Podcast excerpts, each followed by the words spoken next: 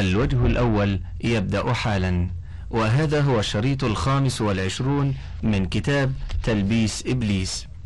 نواصل القراءة في ذكر تلبيس إبليس في الدعاوى والشطح. قال عمر بن الخطاب يا كعب خوفنا. فقال يا أمير المؤمنين اعمل عمل رجل. لو وافيت القيامة بعمل سبعين نبيا لازدريت عملك مما ترى. فأطرق عمر رضي الله عنه مليا ثم أفاق قال زدنا يا كعب.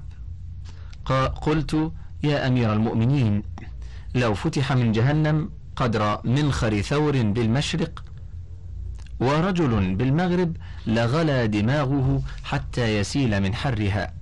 فأطرق عمر مليا ثم أفاق فقال زدنا يا كعب. قلت يا أمير المؤمنين إن جهنم لتزفر يوم القيامة زفرة لا يبقى ملك مقرب ولا نبي مصطفى إلا خر جاثيا على ركبتيه. ويقول ربي نفسي نفسي لا أسألك اليوم غير نفسي. حاشية يقال وافى فلانا أي فاجأه ووافى القوم أتاهم ووافى الموت فلانا أدركه. ازدرأت عملك أي احتقرت. في إسناد هذه القصة علي بن زيد بن جدعان وهو ضعيف. وانظر الحلية لأبي نعيم في الجزء الخامس الصفحة الثامنة والستين والثلاثمائة والتاسعة والستين والثلاثمائة. انتهت الحاشية. وعن كعب الأحبار قال إذا كان يوم القيامة جمع الله الأولين والآخرين في صعيد واحد ونزلت الملائكة وصارت صفوفا. فيقول يا جبرائيل ائتني بجهنم. فيأتي بها جبريل فتقاد بسبعين ألف زمام. حتى إذا كانت من الخلائق على قدر مئة عام زفرت زفرة طارت لها أفئدة الخلائق. ثم زفرت زفرة ثانية فلا يبقى ملك مقرب ولا نبي مرسل إلا جثى على ركبتيه. ثم تزفر الثالثة فتبلغ القلوب الحناجر وتذهل العقول فيفزع كل امرئ إلى عمله حتى إن إبراهيم الخليل يقول بخلتي لا أسألك إلا نفسي. ويقول موسى بمناجاتي لا أسألك إلا نفسي. وإن عيسى لا يقول بما أكرمتني لا أسألك إلا نفسي لا أسألك مريم التي ولدتني. حاشية إسناده ضعيف جدا. وعلة ذلك فرات بن السائب وعبيد الله ابن محمد ابن عائشة وزاذان. انظر في تراجمهم التقريب في الجزء الأول في الصفحة الثامنة والثلاثين بعد الخمسمائة وكذلك في الجزء الأول في الصفحة السادسة والخمسين بعد المئتين. وانظر الضعفاء والمتروكون في الصفحة الرابعة والثلاثين بعد الأربعمائة. وانظر الخبر في حية الأولياء لأبي نعيم في الجزء الخامس الصفحة الثانية والسبعين بعد الثلاثمائة والثالثة والسبعين بعد الثلاثمائة. ويبدو أنه من الإسرائيليات التي نقلت إلينا عن طريق كعب وغيره من اليهود ممن دخلوا في الإسلام. انتهت الحاشية. قلت وقد روينا أن النبي صلى الله عليه وسلم قال يا جبرائيل ما لي أرى ميكائيل لا يضحك. فقال ما ضحك ميكائيل مذ خلقت النار؟ وما جفت لي عين مذ خلقت جهنم مخافة أن أعصي الله فيجعلني فيها. حاشية. ضعيف. أحمد في المسند بدون قوله. وما جفت لي عين إلى آخره. الجزء الثالث الصفحة الرابعة والعشرون والمئتان. ضعيف الجامع للألباني برقم ثلاثة وتسعين وخمسة آلاف. انتهى. وبكى عبد الله بن رواحة يوما فقالت امرأته ما لك تبكي؟ فقال أنبئت أني وارد ولم أنبأ أني صادر. قال المصنف رحمه الله فإذا كانت هذه حالة الملائكة والأنبياء والصحابة وهم المطهرون من الأدناس وهذا انزعاجهم لأجل النار فكيف هانت عند هذا المدعي؟ ثم إنه يقطع لنفسه بما لا يدري به من الولاية والنجاة. وهل قطع بالنجاة إلا لقوم مخصوصين من الصحابة؟ وقد قال صلى الله عليه وسلم من قال إني في الجنة فهو في النار. حاشية سبق الحديث عنه. انتهى. وهذا محمد بن واسع يقول عند موته. حاشية محمد بن واسع بن جابر بن الأخنس الأزدي أبو بكر ثقة عابد كثير المناقب من الخامسة. مات سنة ثلاث وعشرين ومائة. التقريب الجزء الثاني الصفحة الخامسة عشرة بعد المئتين. انتهى. وهذا محمد بن واسع يقول عند موته يا إخوتاه أتدرون أين يذهب بي؟ أتدرون يذهب بي؟ والله الذي لا إله إلا هو إلى النار أو يعفو عني. حاشية. انظر حلية الأولياء لأبي نعيم في الجزء الثاني الصفحة الثامنة والأربعين بعد الثلاثمائة. انتهى. قلت وهذا إن صح عن هذا المدعي فهذا غاية من تلبيس إبليس. وقد كان ابن عقيل يقول قد حكي عن أبي يزيد أنه قال وما النار؟ والله لئن رأيتها لأطفئنها بطرف مرقعتي. أو نحو هذا قال ومن قال هذا كائنا من كان فهو زنديق يجب قتله. فإن الإهوان للشيء ثمرة الجحد لأن من يؤمن بالجن يقشعر في الظلمة ومن لا يؤمن لا ينزعج. وربما قال يا جن خذوني. ومثل هذا القائل ينبغي أن يقرب إلى وجهه شمعة. فإذا انزعج قيل له هذه جذوة من نار. وعن طيفور الصغير قال سمعت عمي خادم خادم أبي يزيد يقول سمعت أبا يزيد يقول سبحاني سبحاني ما أعظم شاني. ثم قال حسبي من نفسي حسبي. قلت هذا إن صح عنه فربما يكون الراوي لم يفهم لأنه يحتمل أن يكون قد ذكر تمجيد الحق نفسه فقال فيه سبحاني. حكاية عن الله لا عن نفسي. وقد تأوله له الجنيد بشيء إن لم يرجع إلى ما قلته فليس بشيء. وعن جعفر الخلدي قال قيل للجنيد إن أبا يزيد يقول سبحاني سبحاني أنا ربي الأعلى. فقال الجنيد إن الرجل مستهلك في شهود الجلال فنطق بما استهلكه. أذهله الحق عن رؤيته إياه فلم يشهد إلا الحق فنعته. قلت وهذا من الخرافات. وعن عبد الله بن علي السراج قال سمعت أحمد بن سالم البصري بالبصرة يقول في مجلسه يوما فرعون لم يقل ما قال أبو يزيد لأن فرعون قال أنا ربكم الأعلى. النازعات الرابعة والعشرون. ورب يسمى به المخلوق. يقال رب الدار. وقال أبو يزيد سبحاني سبحاني وهذا لا يجوز إلا لله. فقلت قد صح عندك هذا عن أبي يزيد؟ فقال قد قال ذلك. فقلت يحتمل أن يكون لهذا الكلام مقدمات. يحكي بأن الله يقول سبحاني. لأن لو سمعنا رجلا يقول لا إله إلا أنا علمنا أنه يقرأ. وقد سألت جماعة من أهل بسطام من بيت أبي يزيد عن هذا. فقالوا لا نعرف هذا. وعن أبي يزيد قال كنت أطوف حول البيت أطلبه فلما وصلت إليه رأيت البيت يطوف حولي. وعن أبي يزيد قال حججت أول حجة فرأيت البيت وحججت الثانية فرأيت صاحب البيت ولم أرى البيت وحججت الثالثة فلم أرى البيت ولا صاحب البيت.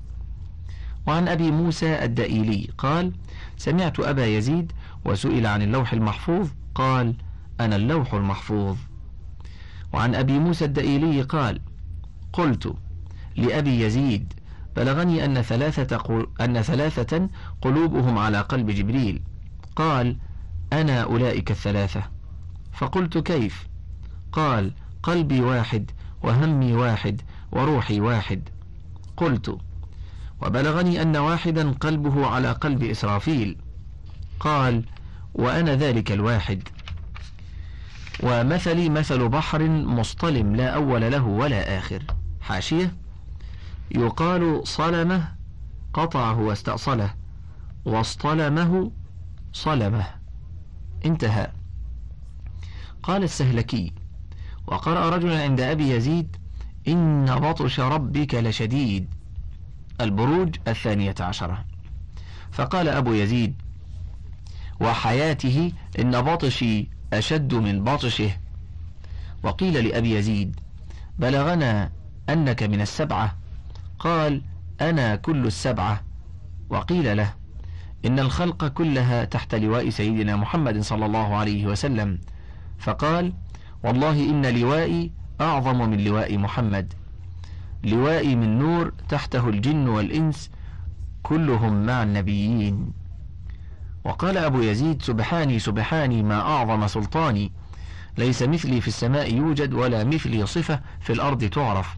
أنا هو وهو أنا وهو هو. وعن منصور بن عبد الله قال سمعت أبي يقول قيل لأبي يزيد إنك من الأبدال السبعة الذين هم أوتاد الأرض؟ فقال أنا كل السبعة. حاشية.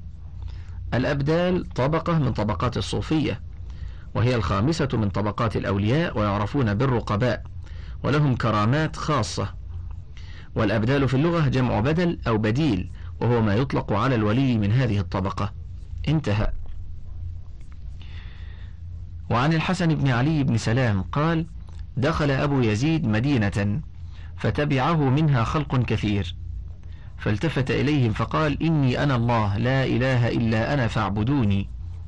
فقالوا جن أبو يزيد فتركوه. وعن الحسن بن علي بن حياه قال سمعت عمي وهو أبو عمران موسى ابن عيسى بن أخي أبي يزيد قال سمعت أبي يقول قال أبو يزيد رفع بي مرة حتى قمت بين يديه. فقال لي يا أبا يزيد إن خلقي يحبون أن يروك. قلت يا عزيزي وأنا أحب أن يروني. فقال يا أبا يزيد إني أريد أريكهم. فقلت يا عزيزي إن كانوا يحبون أن يروني وأنت تريد ذلك وأنا لا أقدر على مخالفتك. قربني بوحدانيتك وألبسني ربانيتك وارفعني إلى أحديتك. حتى إذا رآني خلقك قالوا رأيناك. فيكون أنت ذاك ولا أكون أنا هناك. ففعل بي ذلك وأقامني وزينني ورفعني. ثم قال أخرج إلى خلقي. فخطوت من عنده خطوة إلى الخلق خارجا. فلما كان من الخطوة الثانية غشي علي فنادى ردوا حبيبي فإنه لا يصبر عني ساعة. وعن أبي موسى قال حكي عن أبي يزيد أنه قال أراد موسى عليه الصلاة والسلام أن يرى الله تعالى. وأنا ما أردت أن أرى الله تعالى هو أراد أن يراني. وعن الجنيد ابن محمد قال دخل علي أمس رجل من أهل بسطام فذكر أنه سمع أبا يزيد البسطامية يقول اللهم إن كان في سابق علمك أنك تعذب أحدا من خلقك بالنار فعظم خلقي حتى لا تسع معي غيري. قال المصنف رحمه الله أما ما تقدم من دعاويه فما يخفى قبحها وأما هذا القول فخطأ من ثلاثة أوجه. أحدها أنه قال إن كان في سابق علمك. وقد علمنا قطعا أنه لا بد من تعذيب خلق بالنار. وقد سمى الله عز وجل منهم خلقا كفرعون وأبي لهب. فكيف يجوز أن يقال بعد القطع واليقين إن كان؟ والثاني قوله تعظم خلقي. فلو قال لأدفع عن المؤمنين. ولكنه قال حتى لا تسع غيري. فأشفق على الكفار أيضا. وهذا تعاط على رحمة الله عز وجل. والثالث أن يكون جاهلا بقدر هذه النار أو واثقا من نفسه بالصبر. وكلا الأمرين معدوم عنده. قلت ثم قال والله لقد تكلمت أمس مع الخضر في هذه المسألة وكانت الملائكة يستحسنون قولي. والله عز وجل يسمع كلامي فلم يعب علي ولو عاب علي لأخرسني. قلت لولا أن هذا الرجل قد نسب إلى التغير لكان ينبغي أن يرد عليه. وأين الخضر؟ ومن أين له أن الملائكة تستحسن قوله؟ وكم من قول معيب لم يعاجل صاحبه بالعقوبة. وقد بلغني عن ميمون عبده قال بلغني عن سمنون المحب أنه كان يسمي نفسه الكذاب بسبب أبياته التي قال فيها. وليس لي في سواك حظ فكيف ما شئت فامتحني.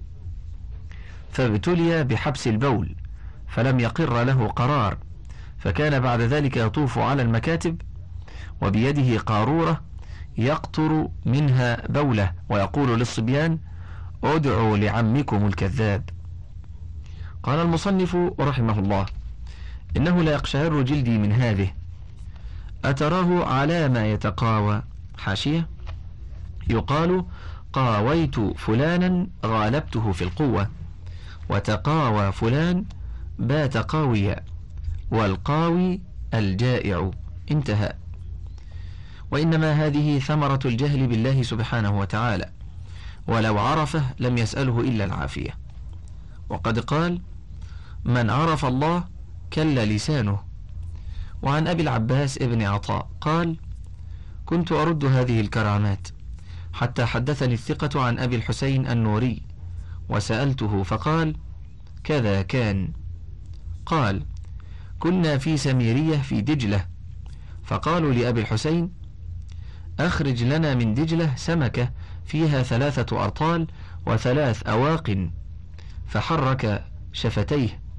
فإذا سمكة فيها ثلاثة أرطال وثلاث أواق ظهرت من الماء حتى وقعت في السميرية. فقيل لأبي الحسين سألناك بالله إلا أخبرتنا بماذا دعوت.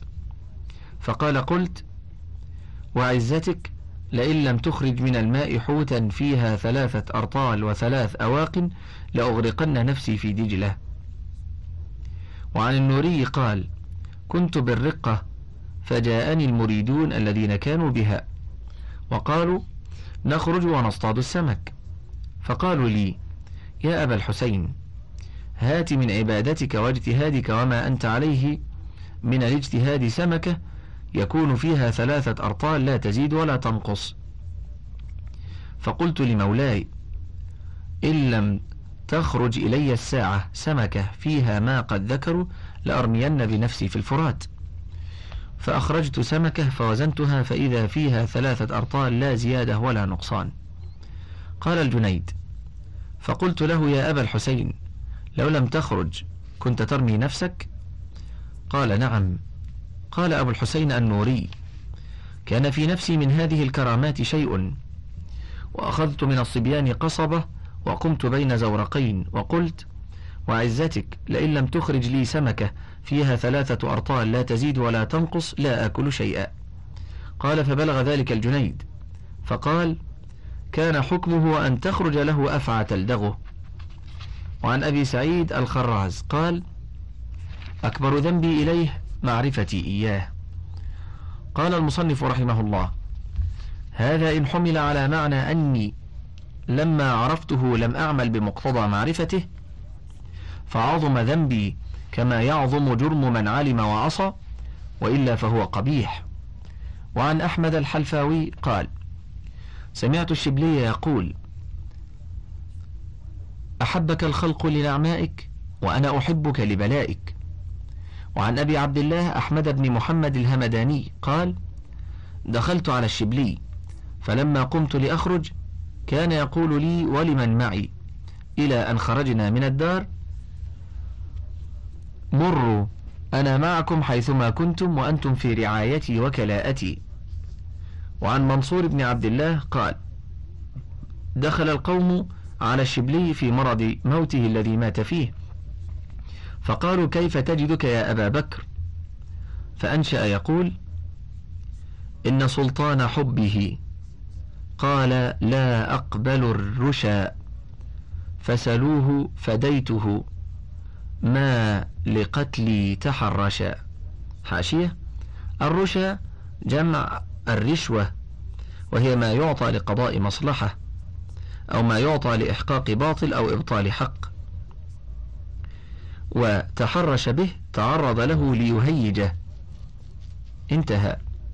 قال ابن عقيل وقد حكي عن الشبلي أنه قال إن الله سبحانه وتعالى قال ولسوف يعطيك ربك فترضى. الضحى الخامسة. والله لا رضي محمد صلى الله عليه وسلم وفي النار من أمته أحد. ثم قال إن محمدا يشفع في أمته. وأشفع بعده في النار حتى لا يبقى فيها أحد.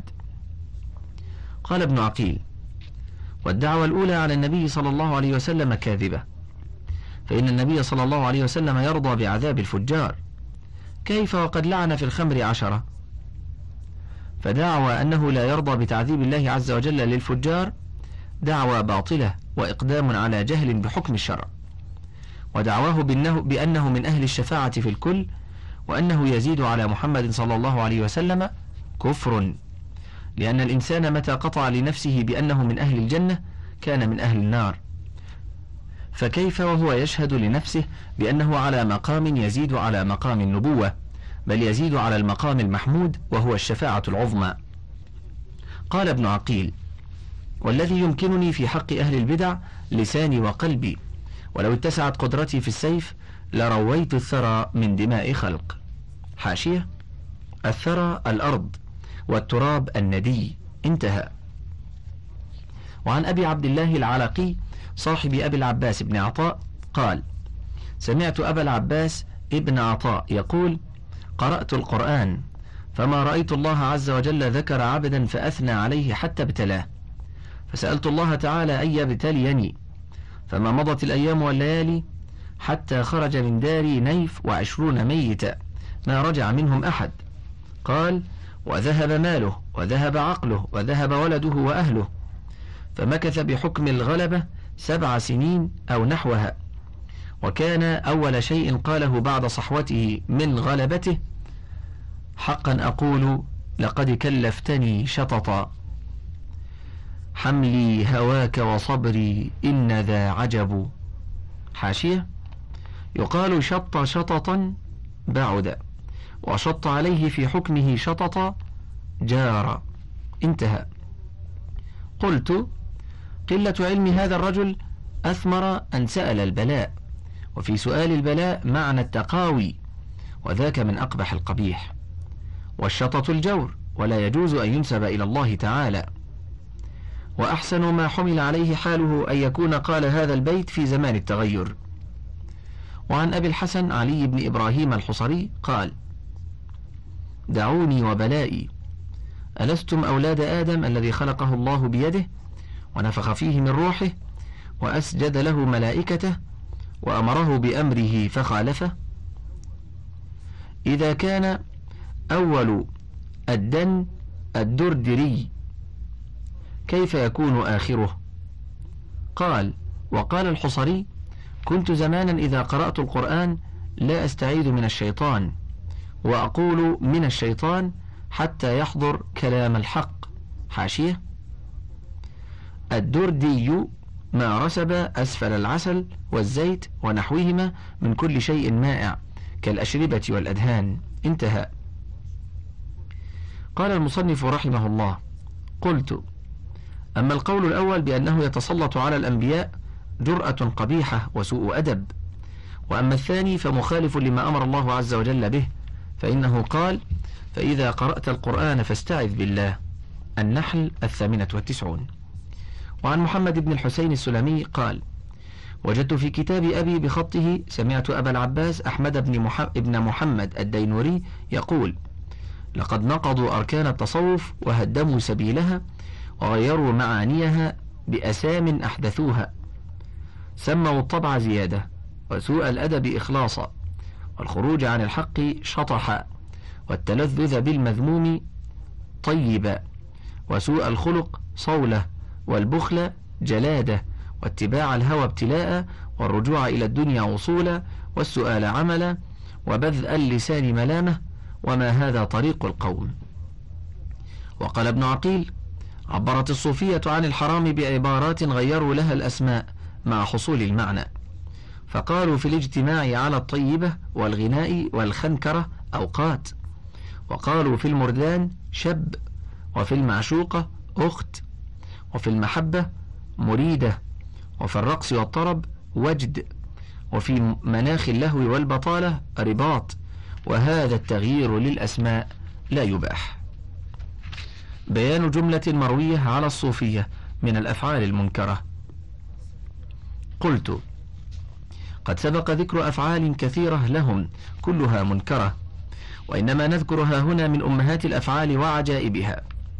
عن أبي نصر عبد الله بن علي السراج قال ذكر عن أبي جعفر الكريتي أنه أصابته جنابة وكان عليه مرقعة ثخينة فجاء إلى شاطئ الدجلة والبرد شديد فحرنت نفسه عن الدخول في الماء لشدة البرد. فطرح نفسه في الماء مع المرقعة ولم يزل يغوص ثم خرج. وقال عقدت ألا أنزعها عن بدني حتى تجف علي فلم تجف عليه شهرا. حاشية حرن فلان بالمكان لزمه فلم يفارقه انتهى. وعن جنيد قال سمعت أبا جعفر ابن كريتي يقول أصبت ليلة جنابة فاحتجت أن أغتسل. وكانت ليلة باردة فوجدت في نفسي تأخرا وتقصيرا. وحدثتني نفسي لو تركت حتى تصبح ويسخن لك الماء أو تدخل حماما. وإلا أعبئ على نفسك. حاشية. يقال عبأ الجيش وعبأه جهزه في مواضعه وهيأه للحرب. انتهى. فقلت وعجبا أنا أعامل الله تعالى في طول عمري يجب له علي حق لا أجد المسارعة إليه وأجد الوقوف والتباطؤ والتأخر. آليت ألا أغتسل إلا في نهر. وآليت لا اغتسلت إلا في نهر. وآليت لا اغتسلت إلا في مرقعتي هذه. وآليت ألا أعصرها. وآليت لا جففتها في شمس. أو كما قال. قلت قد سبق في ذكر المرقعات وصف هذه المرقعة لابن الكريتي وأنه وزن أحد كميها فكان فيه أحد عشر رطلا. وإنما ذكر هذا للناس ليبين أني فعلت الحسن الجميل. وحكوه عنه ليبين فضله وهذا جهل محض لأن هذا الرجل عصى الله سبحانه وتعالى بما فعل. وإنما يعجب هذا الفعل العوام الحمقى لا العلماء. ولا يجوز لأحد أن يعاقب نفسه. فقد جمع هذا المسكين, المسكين لنفسه فنونا من التعذيب. إلقاؤها في الماء البارد وكونه في مرقعة لا يمكنه الحركة فيها كما يريد ولعله قد بقي من مغابنه ما لم يصل إليه الماء لكثافة هذه المرقعة. حاشية المغابن جمع المغبن وهو الإبط وبواطن الأفخاذ عند الحوالب. انتهى. وبقاؤها عليه مبتلة شهرا وذلك يمنعه لذة النوم. وكل هذا الفعل خطأ وإثم وربما كان ذلك سببا لمرضه أو قتله. وعن أحمد بن أحمد ابن عبد الله الأصبهاني قال كانت أم علي زوجة أحمد بن حضرويه قد أحلت زوجها أحمد من صداقها على أن يزور بها أبا يزيد البسطامي. فحملها إليه فدخلت عليه وقعدت بين يديه مسفرة عن وجهها. فلما قال لها أحمد رأيت منك عجبا. أسفرت عن وجهك بين يدي أبي يزيد. قالت لأني لما نظرت إليه فقدت حظوظ نفسي. وكلما نظرت إليك رجعت إلي حظوظ نفسي. فلما أراد أحمد الخروج من عند أبي يزيد قال له أوصني. قال تعلم الفتوة من زوجتك. وعن يوسف بن الحسين قال كان بين أحمد بن أبي الحواري وبين أبي سليمان عقد ألا يخالفه في شيء يأمره به. فجاءه يوما وهو يتكلم في المجلس فقال إن التنور قد سجرناه فما تأمرنا؟ فما أجابه. حاشية سجر التنور ملأه وقودا وأحماه. انتهى. فأعاد مرة أو مرتين. فقال له في الثالثة اذهب واقعد فيه. ففعل ذلك. فقال أبو سليمان الحقوه فإن بيني وبينه عقدا ألا يخالفني في شيء آمره به. فقام وقاموا معه. فجاءوا إلى التنور فوجدوه قاعدا في وسطه فأخذ بيده وأقامه فما أصابه خدش انتهى الوجه الأول. فضلا. اقلب الشريط.